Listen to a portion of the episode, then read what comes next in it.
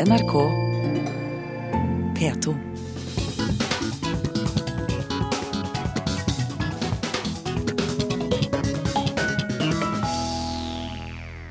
Som seg hør og bør en fredags ettermiddag i Kulturet, har Fredagspanelet tatt plass.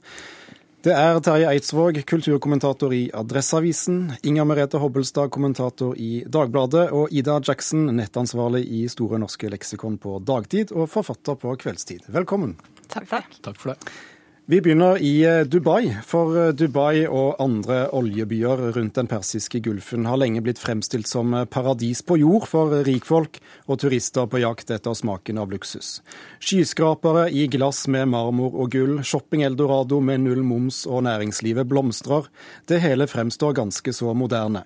Men denne uken ble en norsk kvinne dømt til 16 måneders fengsel i Dubai for å ha hatt sex utenfor ekteskapet etter at hun anmeldte en voldtekt. Har norske medier forsømt seg når vi sjelden har fått høre at dette fortsatt er diktaturer med sharia-lovgivning? Skal vi begynne i eh, Trondheim? Eh, ja, absolutt. Ida. Eh, ja, definitivt. Inger Merete. Ja. Samstemt, eh, samstemt her. Eh, vi kan eh, gå til Trondheim igjen. Hva, hva bør man gjøre nå? Eh, man bør gjøre noe av det man ikke har gjort tidligere. Eh, jeg må si at jeg har aldri vært i, Dubai, men eh, jeg gikk inn i dag tilfeldigvis for å se på hva norske medier har skrevet om Dubai i år, før og etter 17. juli, som var dagen da den norske tragiske saken for alvor tok det norske mediebildet. Og før det så er det nesten utelukkende ferieparadis, luksus. Én ting er jo det her synet på voldtekt. Noe annet er også, som jeg ser en del internasjonale aviser jevnlig skriver om, er forholdene til gjestearbeiderne i, hele tatt. Det fremstår som en sånn veldig en sånn reiselivsdekning uten et eneste kritisk spørsmål. Det er jubel ved dire, nye direkteruter og, og en dyrking av luksuslivet, uten at det i alle fall i år har vært svært få artikler som har trukket frem noe av hva denne rikdommen er, er bygd på, og hva som er bakteppet for den. Blir vi rett og slett lurt av fasaden her, kanskje? Eh, vel, det har vel mer med å gjøre at problemene som er knyttet til Dubai, er knyttet til en tilstand eh, mer enn til en umiddelbar slående hendelse. Dvs. Si før denne umiddelbare slående hendelsen her, som eh, har satt en støkk i, i, mange, tror jeg. Du kan si at dette gjelder jo Dubai, men det gjelder jo også en del andre konflikter. Verden over, altså hvor det er mer snakk om borgerkriger, sult, død osv. Det er at hvis du har ting som bare varer, som bare går og går, og det er fælt, men det skjer ingenting. Man kommer ikke unna det. det blir ikke, Så, så mister eh, mediene oppmerksomheten veldig veldig fort. Da, man, da, skriver man heller om enkeltstående katastrofer, eh, om, om, terrorangrep, om slike ting som er liksom brå og plutselige. Eller altså atomulykken i Japan, sånne ting får enormt med oppmerksomhet. Man sender fem reportere dit med en gang. Eh, man klarer ikke å takle hendelser på, tilstander på samme måte.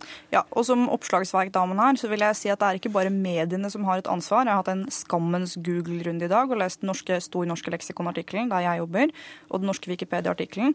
Og det er klart at der er, Selv i leksikonartikkelen er fokuset enormt på økonomisk vekst, på næringsliv, på turisme, og Wikipedia kan i introen fortelle oss at de har verdens største slalåmbakke og en enorm berg-og-dal-bane, og veldig fokus på hva du som nordmann trenger å vite som turist i Dubai. Uh, mens du må langt langt ned i den engelske Wikipedia-artikkelen for å finne noe som helst om menneskerettigheter. Så det er jo et eller annet med at Dubai er også Altså, vi må alle skjerpe oss.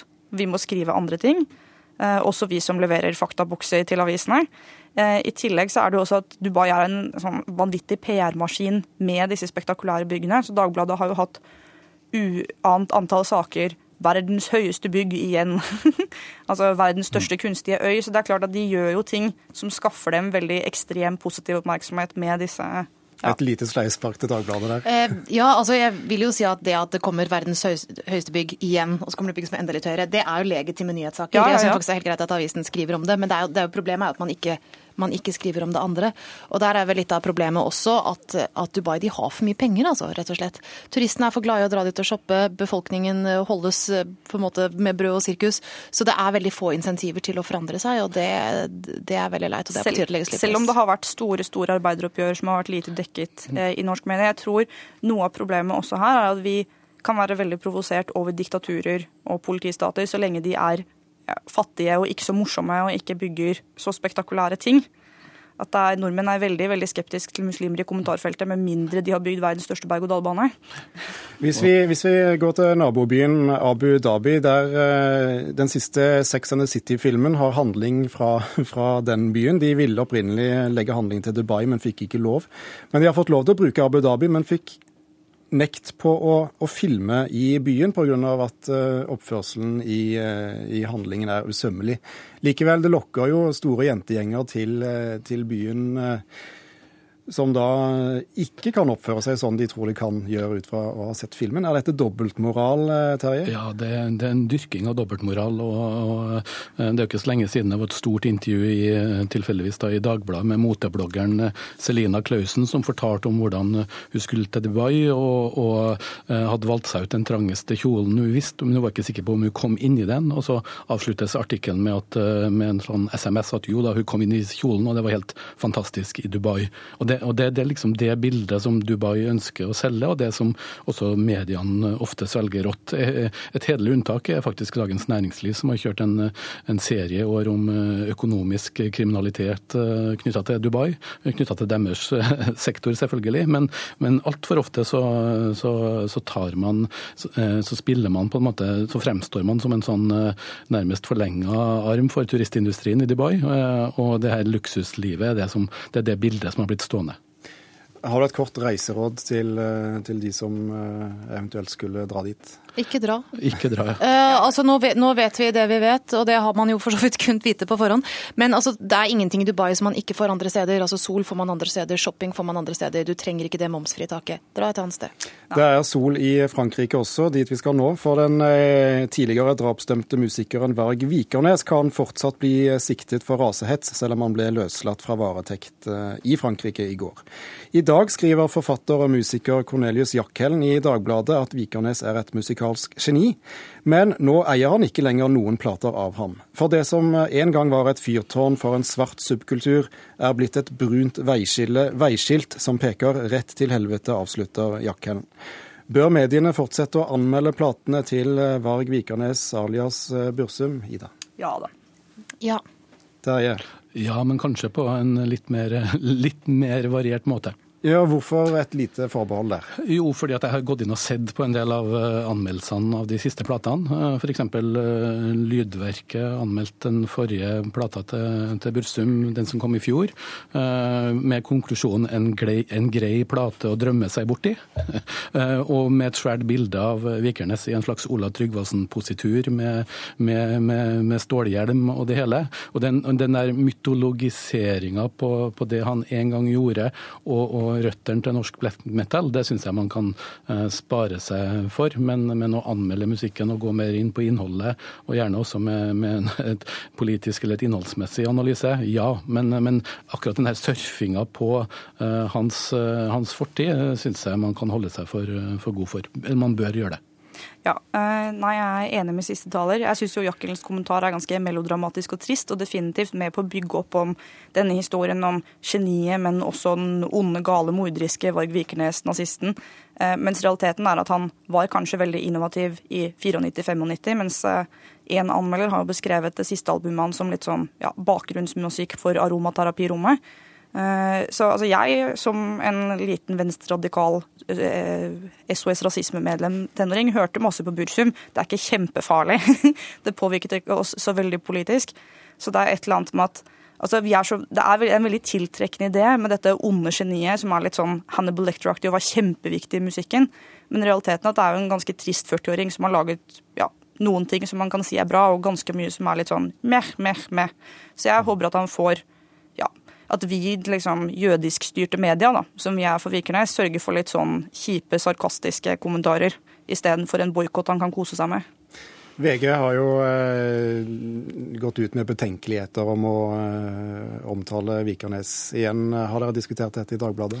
Nå er ikke jeg musikkanmelder, så de, eh, de, diskusjonene har ikke jeg vært en del av. Det tar de på sitt eh, litt sånn musikknerderom, eh, tenker jeg. Men jeg tenker at det er litt interessant at disse to tingene vi har snakket om, faktisk har noe til felles. Det er på en måte moralske spørsmål begge to. Det er mm. spørsmål knyttet til skal man la være å ta i noe, reise til noe fordi man har moralske innvendinger mot det som, som er der.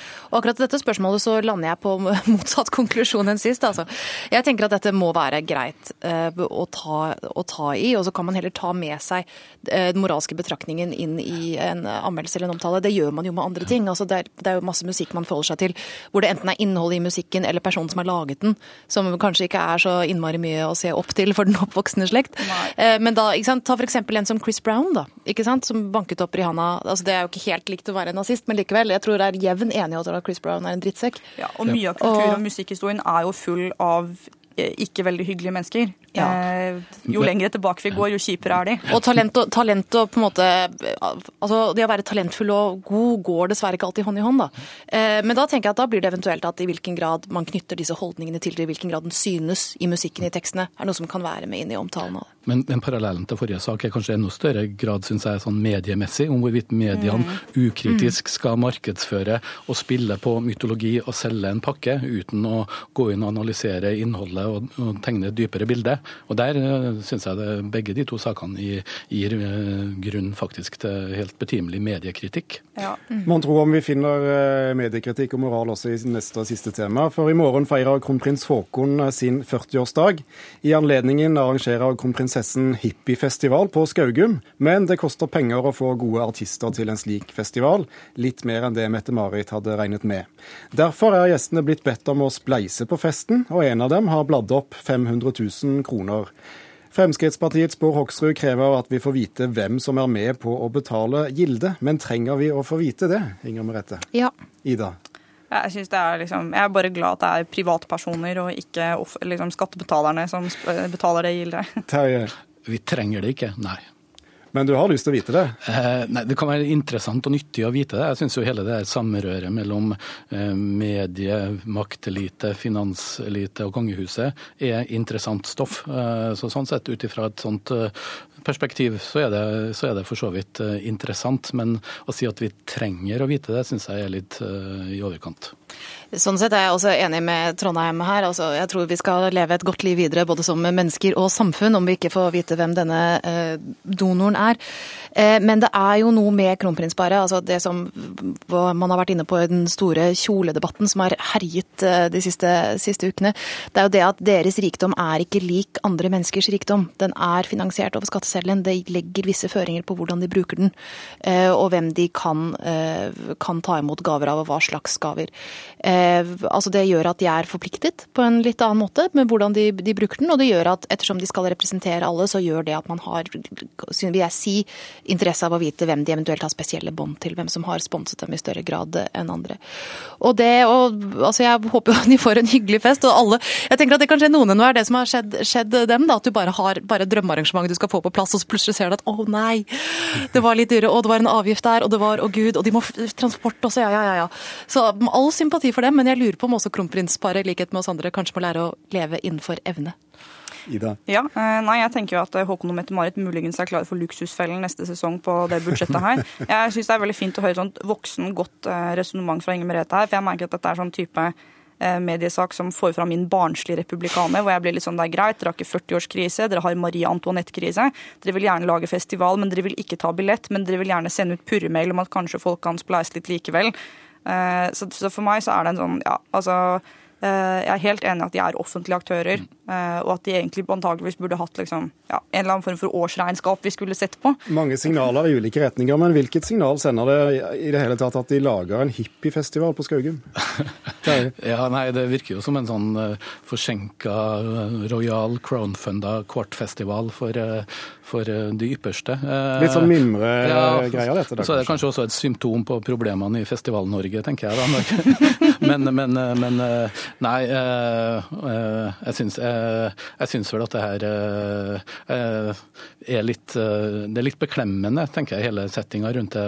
Overraskelsesfester bør jo være overraskelser. og De bør være sånn at både gjester og alle, alle rundt på en måte ikke vet hva som skjer og hvem som har betalt. Mange av oss har jo vært med og betalt på spleiselag, men her blir settinga litt spesiell. Det er jo et ørlite paradoks her, er det ikke det? Altså, at det er en hippiefestival, det er jo bare et spørsmål om smak. De må få lov å ha den smaken de har. Men hvis jeg ikke husker feil, så var jo hippiene, det de representerte, var jo ny tid og antimaterialisme og Age of Aquarius og alt det der. Hva skjedde med det? Er de troverdige hippier, Ida? Nei. Eh, jeg leste jo utdraget fra Finansavisen på disse e-postene med purremailene som går ut, hvor man sier liksom sånn at ja, vi har fått inn alt fra 500 til 500 000 fra folk her, og ja, men det blir ca. 2000 per person. Det er nesten en festivalbillett på en måte. Jeg er veldig glad for at det ikke er meg som er invitert til denne festen, og på en måte føler at å, jeg er kul nok til å henge med kongen. Eller den fremtidige kongen, får, men det er ille dyrt. Vi får nok uh, fyldig dekning av dette i Søndagsavisen, vil jeg tro. Tusen takk til Terje Eidsvåg, Inger Merete Hobbelstad og Ida Jackson i dagens fredagspanel. Hør flere podkaster på nrk.no podkast.